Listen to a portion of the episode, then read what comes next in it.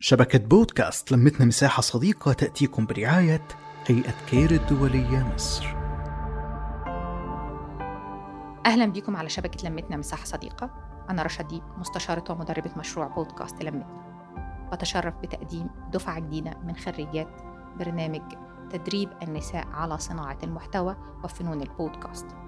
في التدريب الأخير دربنا 25 سيدة من الوافدات السوريات والمصريات وبصراحة قدروا يعملوا شغل عظيم جدا ويقدموا ويطرحوا مواضيع قوية جدا من خلال أفكار البودكاست اللي قدموها. هنعرض لكم هذه المشاريع في سلسلة من الحلقات. يلا بينا نسمعها. وقبل ما نسمعها أوجه الشكر لأستاذة أسماء محمد معيدة كلية الإعلام اللي قدرت تساند المشروع ده وتساعدنا في تقييم المشاريع الخاصة بالنساء. فلها جزيل الشكر وشكرا لكل فريق العمل. يلا نسمعها.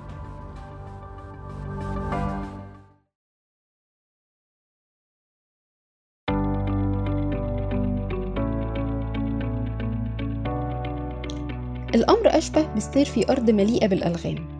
في كل لحظة مهدد أن تنفجر القنبلة في وجهك ولا تبقي بعدها أي شيء. الغضب. هو القنبلة القابلة للانفجار في أي لحظة. ومن منا لا ينفجر غضبا ويفقد أعصابه ويصبح بين قوسين خارج عن السيطرة وحتى صوته عالي جدا بطريقة ما. أهلا بيكم من جديد. اسمي صفا إبراهيم وده بودكاست لست وحدك من يوميات طبيب نفسي. انتظرونا كل أسبوع على شبكة لمتنا مساحة صديقة واليوم نتعرف مع بعض على قواعد الغضب الأربعة عند النساء. حبيبي. مش حاسس إن ماما بقت أهدى بكتير وصوتها مش عالي ابدا؟ الصدمة. رد الطفل. لا. أنا مش مصدق إنك هتفضلي هادية كده على طول وتتكلمي معايا من غير زعيق تاني. بتحكي بعد ما انفجرت من البكاء. وتذكرت كلامها مع الطبيب. كأن الصوت العالي ده حق من حقوق المرأة. كأنه أمر طبيعي ولازم صوتها يكون عالي علشان تكون أم زي الطبخ والغسيل والاهتمام بالأطفال. الأغرب إنه سهل التبرير عند النساء. لازم كل ست صوتها عالي تدرك إنه تصرف مؤذي ومؤذي جدا وبيأثر على شخصية الأطفال وميولها. وقتها بس الأمور هتتغير. افتكري دايما إن مفيش حد ضد الغضب إحنا بس ضد الصوت العالي ودي القاعدة الأولى. الصوت العالي عدوان على النفس قبل ما يكون عدوان على الآخرين خصوصا الأطفال.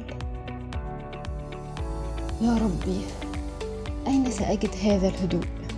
تسأل نفسها باستمرار. سر الغضب هو شعور دفين بالألم علاقة معقدة جدا وشائكة. حتى الأطفال الصغار عندهم القدرة على استيعاب الغضب لكن مش بيفهموا الصوت العالي. الحقيقة إنها مؤمنة بكل كلمة قالها الدكتور. لكن التطبيق صعب. صعب جدا. بيؤكد عليها في كل مرة بأن ضغوط الحياة والمشاكل اليومية مش مبرر أبدا للصوت العالي بالذات مع وجود أطفال في البيت. ودي القاعدة التانية. طيب والحل؟ ارحموا من في الأرض يرحمكم من في السماء. هو ده الحل اللي توصلت إليه. بعد عدة جلسات مليئة بالمشاعر واللخبطة. علاقة غريبة جدا بتجمع بين الغضب والرحمة. أيوة الرحمة. تغضب وصوتها يعلى ويجلجل في البيت كله. لقد حلت الكارثة وفقدت السيطرة من جديد. في كل مرة بنتعامل فيها مع غضب الشريك بنوع من الرحمة وننظر له كتعبير عن الألم هتتغير قواعد اللعبة. هي دي الطريقة المثالية والوحيدة للتعامل مع انفجارات النساء. الصمت والتعامل مع الموقف برفق هو الحل إعطاء المرأة المساحة لتتخلص من كل الألم اللي جواها وتتكلم بعدها بهدوء. هي دي القاعدة الثالثة صريخ جديد بكاء وانهيار.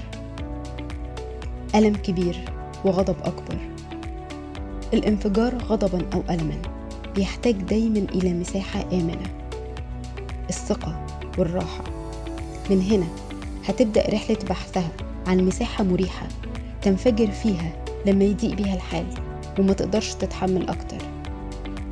بتفكر نفسها اعملي كل ده مع شخص قادر على استيعاب المشاعر دي.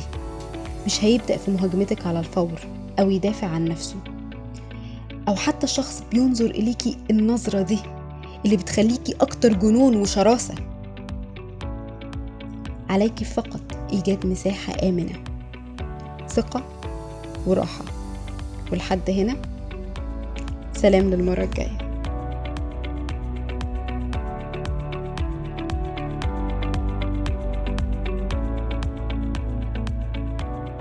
نحكي نتشارك نتواصل.